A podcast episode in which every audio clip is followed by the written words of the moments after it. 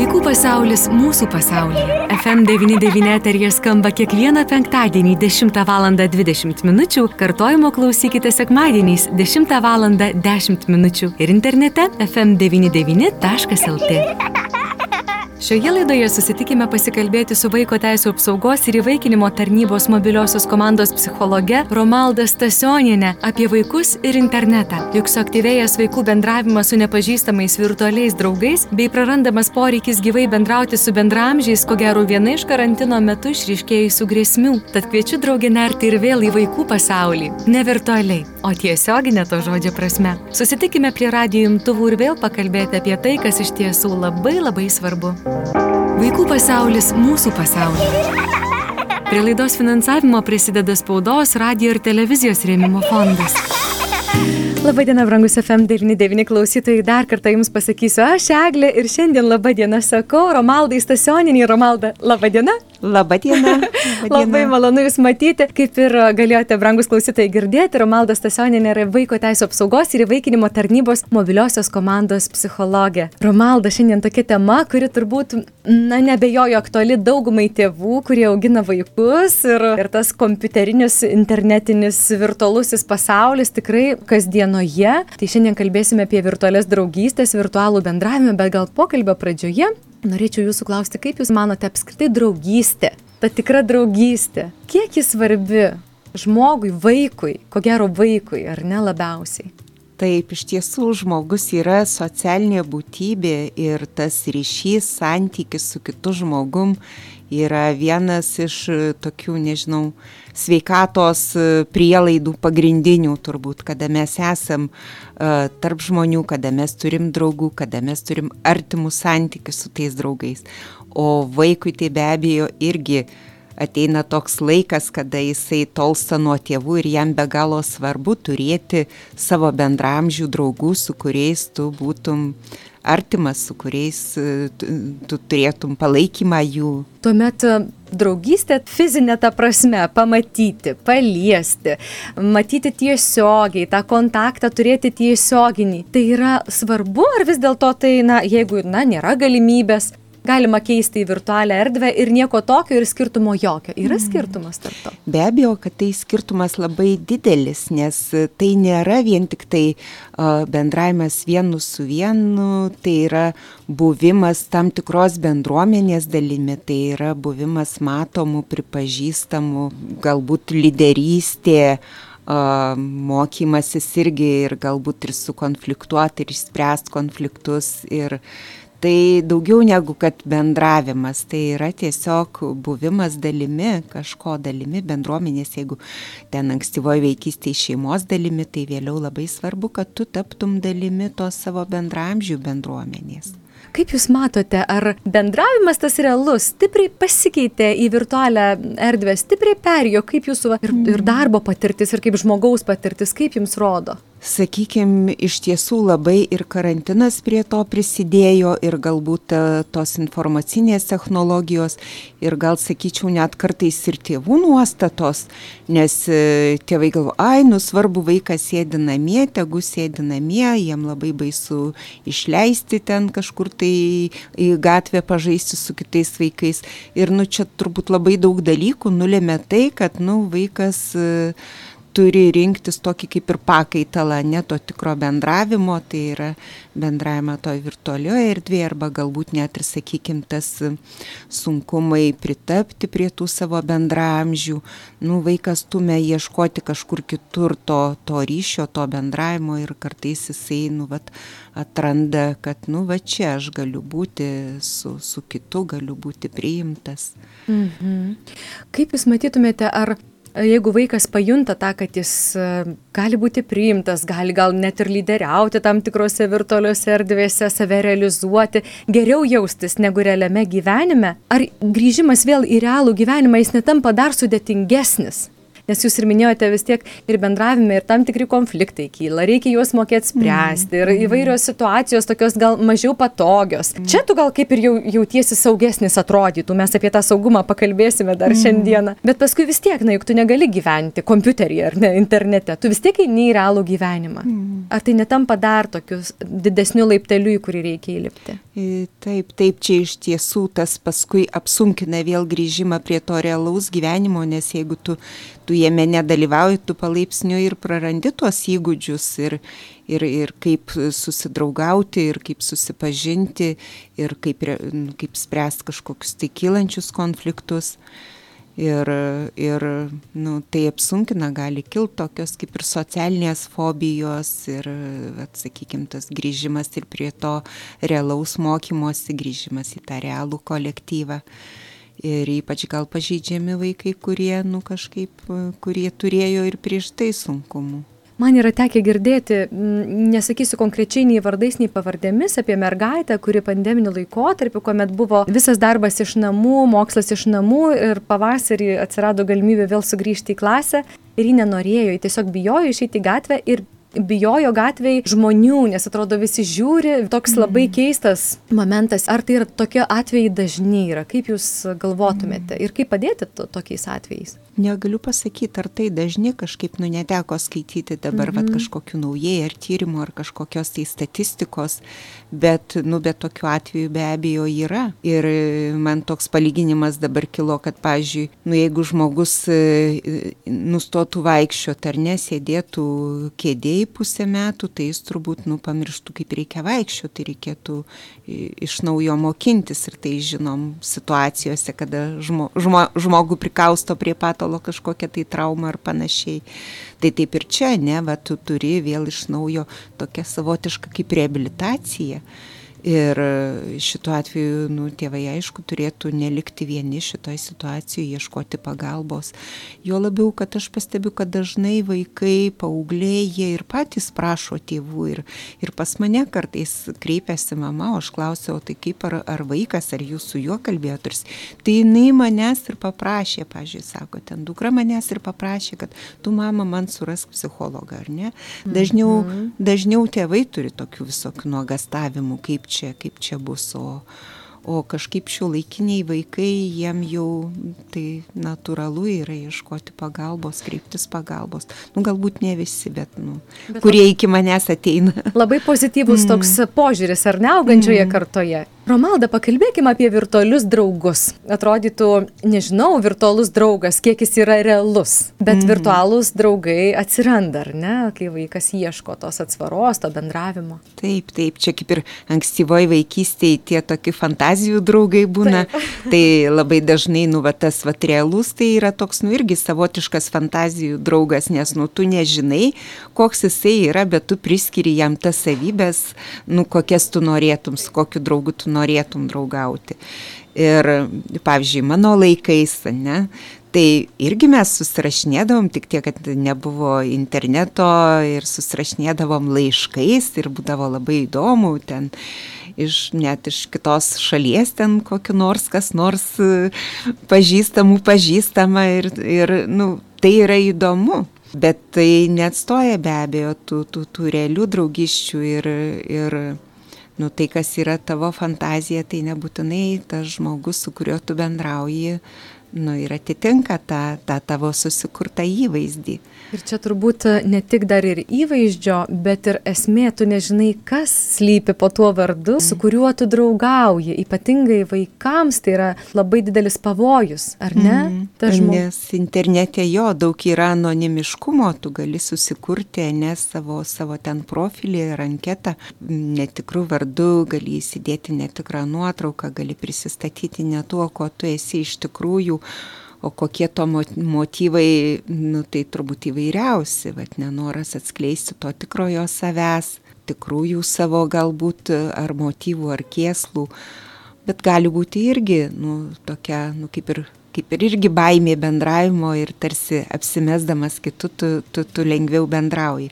Bet čia nemažai gali irgi slypėti ir pavojų. Apie pavojus ir pakalbėkim, kokius pavojus jūs didžiausius galėtumėte išvelgti, na, to virtualaus internetinio bendravimo ir draugyščių? Čia aš dabar kaip tik neseniai paskaičiau tokius kaip ir tyrimus, kur pačių vaikų klausė, kokius jie išvelgia pavojus. Ir nu taip pakankamai iš tikrųjų nemažai pavojų patys vaikai įvardina ir išvelgia. Gal čia ne tik apie draugystės, bet apskritai apie tą e, gyvenimą internete. Tai sakykime, kad e, tu gali būti tavo asmens duomenys gali būti panaudoti kažkur tai ir ne, kad e, tada gali nu, kažkoks seksualinis išnaudojimas būti ar ne, ypač, ypač sakykime, nu, paauglystėje, kada susidomėjimas e, tuo seksualiniu gyvenimu natūraliai jisai atsiranda pas vaikus ir turėti galimybę su kažkuo apie tai pasikalbėti ar ne, tai, nu, tai labai svarbu, nes dažnai su, su saugusiais, su tėvais lyg ir nedrasu kalbėtis ir va tu atrandi tokį draugą, bet nu po tokio draugo kaukė iš tiesų gali slypėti ir, ir priekybos žmonėmis verbuotojai ir, sakykime, pornografijos ar vaikų pornografijos e, tokie medžiotojai ne, ir platintojai. Ir čia, čia va tokia va rizika yra, ką dar patys vaikai įvardina, tai kad galimi sukčiavimo kažkokie tai atvejai, kad, kada tavo duomenim pasinaudoja, kada gali galbūt iš tavo sąskaitos nuskaityti, galbūt ir net ir ne tik pažintyse, bet ir kompiuteriniuose žaidimuose ir panašiai. Ir taip pat jie išvelgia pavojų nu, priklausomybei vystytis. Atsiras priklausomybei, kas dar daugiau atitraukia nuo to realaus gyvenimo. Kaip Jūs vertintumėte tą, sakykime, madą ar laikmetį patiktukų, kuomet įkelta nuotrauka ir atrodo vaikas net, ar, ar video dabar labai populiaru, kad filmuotų vaikas bet ką, atrodo nesvarbu, net jokio turinio įkelia ir laukia, kada kažkas paspaus patinka, ar ne? -hmm. Tai neveikia vaiko savivertės formavimosi, pasaulyje žiūros apskritai formavimosi. Čia turbūt jo toks ieškojimas savirealizacijos, nes čia gal irgi tokia, nu kaip ir iš virtualioje erdvėje irgi toks privalumas, kad tai ko tu nerealizuoji realiam gyvenime, galbūt tu gali realizuoti virtualioje erdvėje ir tas mm, nor, tai yra pripažinimo siekimas, ieškojimas pripažinimo Ir čia gali kilti labai tokių stiprių emocijų, nes, nu, galbūt tu ten vietoj patiktuko, ne, tu ten sulauki kažkokio kitokio veidelio, arba kad tu per mažai ir tu tada gali, nu, nuolat tikrinti ir tikrinti, ar jau atsirado, ar jau padaugėjo, kiek, pas, kiek mano uh, paspaudė patiktukų kartų, o kiek ten galbūt kito lyginimas savęs su kitais.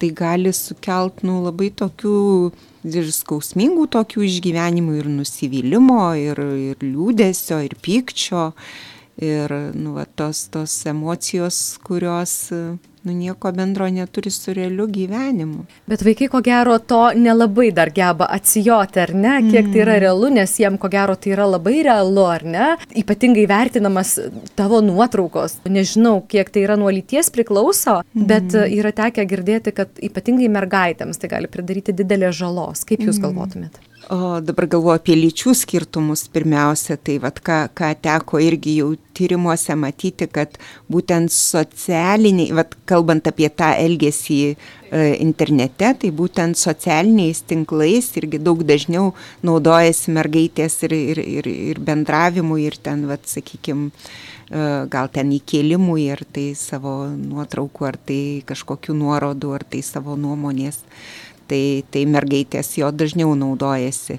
O kad tai veikia, veikia savivertę, tai iš vienos pusės, kad tai turbūt savivertės trūkumas skatina ieškoti priepažinimo, ne, bet kita vertus, kad tai ir, ir neprisideda prie to, kad tos savivertės daugėja. Savivertė gali daugėti, kada tu nu, tam realiam gyvenime tu veiki ir tu sulauki pripažinimo. Uh, Ir čia turbūt ir tėvų indėlis labai svarbus, ir mokytojų, ir tos savivertės formavimėsi.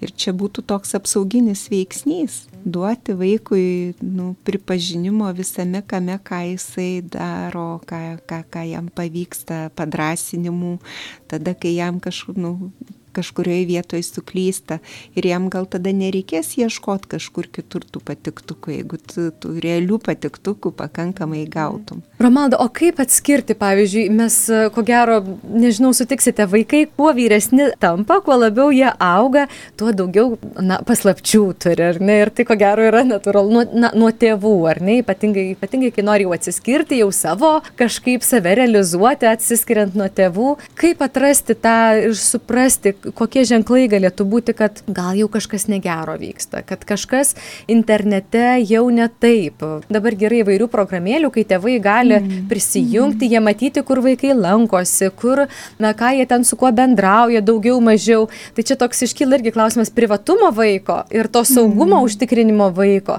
Ar reikėtų tiesiog jam nesakant nerti, žiūrėti, skaityti, ką jis ten rašo, ar, mm. ar stebėti vaiką pagal tai, kaip jis elgesi? Turbūt labai svarbu, kad tai, nu, ne neprasidėtų, jeigu, sakykime, iki paauglystės nekontroliavo, nekontroliavo tėvai, paskui staiga pradės kontroliuoti, kad tai turbūt turi būti ugdomas irgi vaiko ir tas internetinis saugumas, ar kaip čia pavadinti, ar ne, ir, ir tas elgesio kažkokios normos internete ir ribos, kiek tu gali būti internete, turi nuo mažins būtų, bū, būti ugdomos ir tada galbūt po truputėlį duoti daugiau laisvės, o ne tai, kad mes duodam daug laisvės, tada išsigastam ir staiga viską uždraudžiam.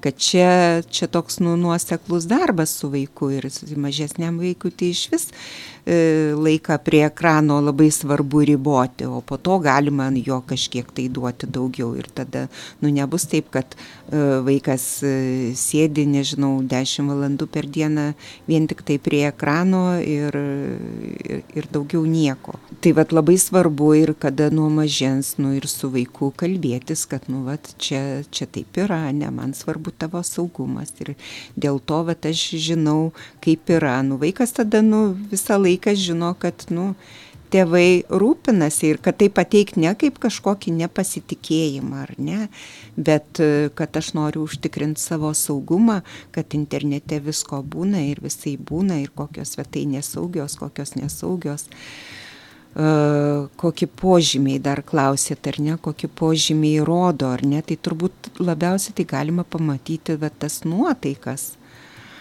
nuotaikas ar kažkokius sviravimus, ar tokį didelį, nežinau, stipres tokias emocijas, nestabilias tas emocijas. Tai nu, galima įtarti, kad kažkas vyksta, bet ar, ar tai tikrai vyksta tam virtualiam gyvenime, bet jeigu didžiąją laiko dalį vaikas praleidžia tam virtualiam gyvenime, nu, tai greičiausiai, kad ten kažkas vyksta. Kitas dalykas vėl, kiek tas virtu, nu, gal čia ne tik virtualus bendravimas, bet, sakykime, tas e, virtualus gyvenimas, tai pavadinkim, nes ten ir žaidimai, ir ne, ir, ir kiti dalykai, kiek jisai atitraukia nuo realaus gyvenimo. Ir jeigu, jeigu tai jau sudaro didesnę dalį, tai jau nu, tikrai požymis, kad vystosi priklausomybė su visais, visom kitom priklausomybėm būdingais požymiais. Tai yra ir emocinis nestabilumas, ir kad niekas darosi neįdomu, nes čia nu, tie, patys, tie patys simptomai kaip ir kitų priklausomybių. Mhm. Neįdomu bendravimas, neįdomu ta, tampa tie šeimos gyvenimas, tie artimi ryšiai, neįdomu mokslas, nieko nenori daryti, nenori, sakykime, ten net užsimtom veiklom, kuriuom anksčiau domėjosi. Tai čia jau tikrai rimti požymiai, kad vystosi priklausomybė, tai turbūt pats geriausias dalykas užkardyti, kad nu to, to neįvyktų. Aha. Tai čia labai svarbu, vat nuo pat mažens, nu kažkaip nustatyti tas ribas to, to, to bendravimo. Kitas dalykas vėl, kaip sakiau, kad kartais tėvai patys, nu, ai, nu, čia ramiau namie sėdi, tegu sėdi, ar ten, nu, tada netrukdo, tada nereikia su juo užsiimti, vaikas pats užsiima, bet, nu, tai tokiu būdu mes patys stumėm vaiką į, į tą priklausomybę. O kaip tik paskatint gal daugiau E, kažkokią aktyvę veiklą užsijim, daugiau bendrauti su draugais, galbūt, kad būtų saugiau pažintų tėvai savo draugus, leisti e, vaiko draugus, neleisti tos draugus pasikviesti namus ir tuomet, nu, tu, tu skatinsi vaiką daugiau, aktyviau dalyvauti tam tikram gyvenime, tikroji bendruomeniai, tikram Ir daugiau žinosi, kokioj erdvėj, kokioj mm. aplinkoj, su kokiais žmonėm pats vaikas, ar ne, kokiuose, mm. kaip sakant, kokiuose sultyse verda, ar ne, mm. vaikas. Taip, taip. Kiek yra svarbu, Romalda, žinoti, kokiuose sultyse verda vaikas? Kur yra ta riba, kad va čia yra vaiko laisvė, yra jo, o čia yra tėvų atsakomybė vis dėlto kažkiek, na, Mhm. Na, priturėti tą laisvę ar ne ir nepaleisti, va taip visai vadžių, kad neperlenkt lasdos, žinot, mhm. toks riktas, kaip sakant, ir kišimasis per didelis tėvų į vaikų gyvenimą irgi yra visai neretas dalykas. Tai kaip jo, išlaikyti tą vat, balansą? Jo, jo, jo, tai čia vat, labai svarbu vat, išlaikyti tą pusiausvyrą tarp laisvės ir tarp kontrolės kad turi būti kažkokie tai rėmai, kažkokios tai ribos, kurios negalima peržengti, bet tose ribose tu turi laisvę daryti, elgtis, e, nu, priimti kažkokius tai sprendimus, neperžengdamas tų ribų. Ir tos ribos su amžium labai svarbu, nu, jas plėsti. E, juo labiau, kad, nu, jeigu mes matom, kad galim vaikų pasitikėti, ne, mes galim jam, nu, leisti kažkiek tai daugiau. O kas tos ribos, nu, tai sakykime, vėl kas tos ribos. Tai yra dalykai greičiausiai, nu, ypač kalbant apie paauglius, kada jau mes tas plečiam ribas, tai yra vertybiniai dalykai. Kad yra kažkokios tai vertybės, kurių tu negali peržengti, ne? Yra teisiniai galbūt kažkokie dalykai, kad, nu, sakykim, kada tu turi grįžti į namus.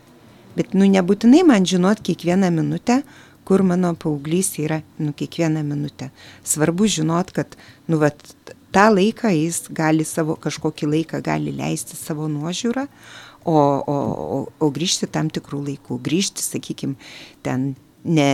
E, grįžti blaivus, ne, jeigu jau paauglystai, sakykime, tokios vat atsiranda irgi eksperimentai, ten ne, neprisirūkęs kažkoks, nu, ribos galbūt kažkokios, tai kažkokias pareigas turi turėti, nes vaikam reikia iššūkių.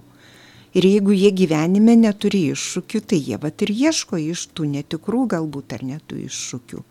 Įsitraukia į žaidimus, kur ten yra ne azartas, kur ten yra adrenalinas, nes jeigu tėvai labai saugoja nuo visko ir neleidžia patirti tų iššūkių gyvenime, bijo dėl to vaiko, nu, tai jisai tada randa virtualioje erdvėje. Tai yra būtina vaiko vystimuisi, žmogaus augimui, tai taip. yra būtinos tos emocijos, potyriai. Taip. Negalim įvinioti į vatą ar ne, ar ne? Taip, taip, nesakau, tie per daug saugomi vaikai, jie patys tada pradeda ieškoti ir nu nebūtinai ten, kur mums patinka. Romalda, mūsų pokalbis visai bėga į pabaigą. Ar aš galėčiau prašyti jūsų tokius svarbiausius momentus vaikams kurie neria į virtualų gyvenimą, o ne paslapti suaugę irgi turi nemažas priklausomybės virtualiai erdvėjai. Tai čia atrodytų lengva sakyti, nu, nu, nu, tu nedaryk, bet kai patys tą patį daro, ar ne? Mm -hmm. Tai va, tai svarbiausias e, dalykus, ką turėtų žinoti vaikai ir ką turėtų žinoti tėvai.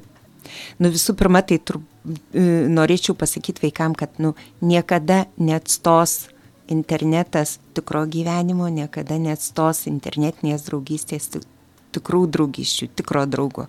Tu gali pasikalbėti, ne, bet jis neteis tau į pagalbą, jis tavęs galbūt nu, nepadės tau tada, kai tau reikia fiziškai padėti. Tai va puoselėt tas tikras vat, draugystės, nebūtinai ten būti ne kažkokiu lyderiu, galbūt užtenka vieno, dviejų draugų, su kuriais tu gali bendrauti ir pasikalbėti. Aš truputėlį, jeigu galėčiau įsiterpti, man jūsų klausant tokia mintis kilo, kaip vaikam galbūt na, vizualiai padėtų susivokti, kur tas skirtumas. Kaip pavyzdžiui, nori papietauti ar ne, įsijungi mhm. internetą ir matai, koks skanus patiekalas ir tu juk jo nepavalgysi. Tu vis tiek turi taip. naiti ir įsidėti į lėkštę ir suvalgyti. Taip, kad mhm. tu, tu nepatirsi vis tiek to, ką tu Taip. patirsi tikram gyvenime.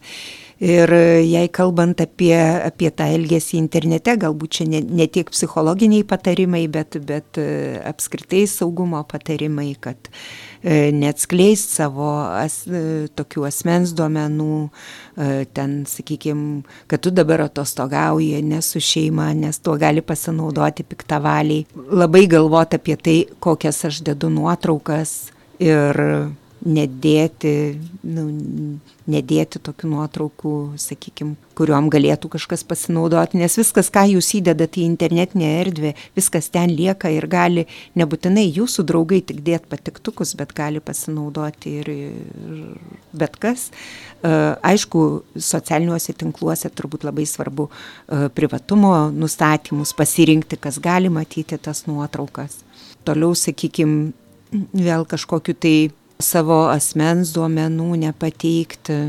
Ir, nu, taip aklai nepasitikėti tai, tais internetiniais draugais, o truputėlį patikrinti, ar galbūt net, o kodėlgi, jeigu mes tik susirašinėjom, o kodėl galbūt neįsijungt vaizdo pokalbį ir iš tikrųjų nepasižiūrėti, o kas ten kitoj pusėje tos, tos kameros. Greičiausiai ne visada ir sutiks tas kitas žmogus kitoje pusėje. Taip, bet tada iš karto, nu, bet kyla klausimas, tada jau turi su, su, sužibėti tą raudoną lemputę, o kodėl jisai nenori pasirodyti, gal jisai visai ne tas, kuo dedasi, bent jau, sakykime, amžių tu gali vizualiai matyti. Galų gale tu, nu, labiau gali matyti ir kaip jisai reaguoja, ne? nes, nu, patiktų, kad tu gali uždėti kokį nori, o kaip iš tikrųjų tas žmogus reaguoja, ne? Ar jisai į tavo, į tavo kažkokį pasidalinimą, ar jisai tikrai kažkaip nu, klauso, priima, ar jisai turi kažkokių kėslų, mes labai daug iš kūno kalbos galime atpažinti. Tai va, labai ir tuose socialiniuose tinkluose irgi neskubėti dalintis viskuo, kas, kas vyksta tavo gyvenime turėti mhm. privatumo. Tas privatumas Taip. iš tiesų, tos ribos labai blanksta, blėsta ir bet kada mhm. tave pasiekia, bet kada tave mato. Galbūt gali tą nuotrauką nusiųsti savo draugui per, per, per messengerį ar per kažkokią kitą pokalbių programėlę ir nebūtinai visiems. Nu, gal vien labai galvot, kokią aš dedu irgi ir profilio nuotrauką, kokią dedu. Ir galvoti, kokiam draugui siunti, ar ne, irgi, nes kaip ir minėjome pokalbio metu, kaip jūs pasakojate, už to draugo vardo pavardės, mm. ne, neaišku, ar iš tiesų ten yra tas žmogus, mm. ir kai siunti nuotrauką, kaip ir jūs minėjote, dar mm. tikrai nepatingėsiu pakartoti, galvoti, ką siunti, ar ne? Taip, kad nebūtų, tai gali būti ir kur tai gali būti panaudota. Mm -hmm. Ir ko gero mm. labai daug šitų jūsų patarimų tinka ne tik vaikam, bet ir tėvam, ar ne? Taip, taip, ir tėvam taip pat, o tėvai tai turėtų irgi sunerimti, jeigu, jeigu jau, čia jau kaip ir minėjau, gal tik apibendrinant, jeigu vaiko tas virtualus gyvenimas, jisai daugiau erdvės užima negu tikras gyvenimas, jeigu kompiuteris nuolat įjungtas, jeigu nešasi valgyti prie kompiuterio, e, sakykime, higieną nustoja rūpintis, tai jau čia nu, labai tokie rimti požymiai, kad čia yra priklausomybė, bet gal geriausiai iki to ne, neprileisti iki tokių dalykų. Ir be abejo, kad jeigu mes matom, kad reikia riboti, tai mes susidursim su pasipriešinimu. Vaikas priešinsis, kaip ir mes visi priešinamės bet kokiem pakeitimam, bet kokiems suvaržymam, kaip ir mes karantinui galbūt priešinamės, bet yra dalykų, kur, kur tėvai turi, nu, neturi nuolaidžiauti. Būti tvirti, ar ne? Taip, ir būti tvirti turbūt čia vienas iš tokių stipresnių momentų, kad, na, jeigu ten neduosiu, neleisiu, tai gal manęs nemylės vaikas, kaip pyksta tas, ar ne, tas įsitimo momentas, mm -hmm. bet iš mhm. tikrųjų tai, tai juk taip nebus, ar ne? nu, nieko, Tuo metu papyks, gal. bet, nu, vaiko pyktis, nu, neužmuš manęs, ar ne? Mes pykstam ir ant mylimų žmonių. Romalda, šiandien nuoširdžiai dėkoju Jums už pokalbį, kiek daug svarbių dalykų šiandien mums papasakojate. Aš palinkėsiu. Labai sėkmės. įdomių klausimų gavau. Aš tikiuosi, kad tie tėvai, kurie augina vaikus, aš ir pati esu mama auginanti vaikus, išgirdo daug naudingų patarimų ir galbūt tos stiprybės, net ir tuo atveju, kai reikia, na, atlaikyti, riboti, mažinti ir, ir panašiai. Tai aš labai labai Jums dėkoju šiandien. Ačiū Jums ir geros dienos visiems klausytojams. Kalbėjome su vaiko teisų apsaugos ir įvaikinimo tarnybos mobiliosios komandos psichologe Romalda Stasioninė. Vaikų pasaulis mūsų pasaulyje. Laida iš dalies finansuojama spaudos, radio ir televizijos rėmimo fondo.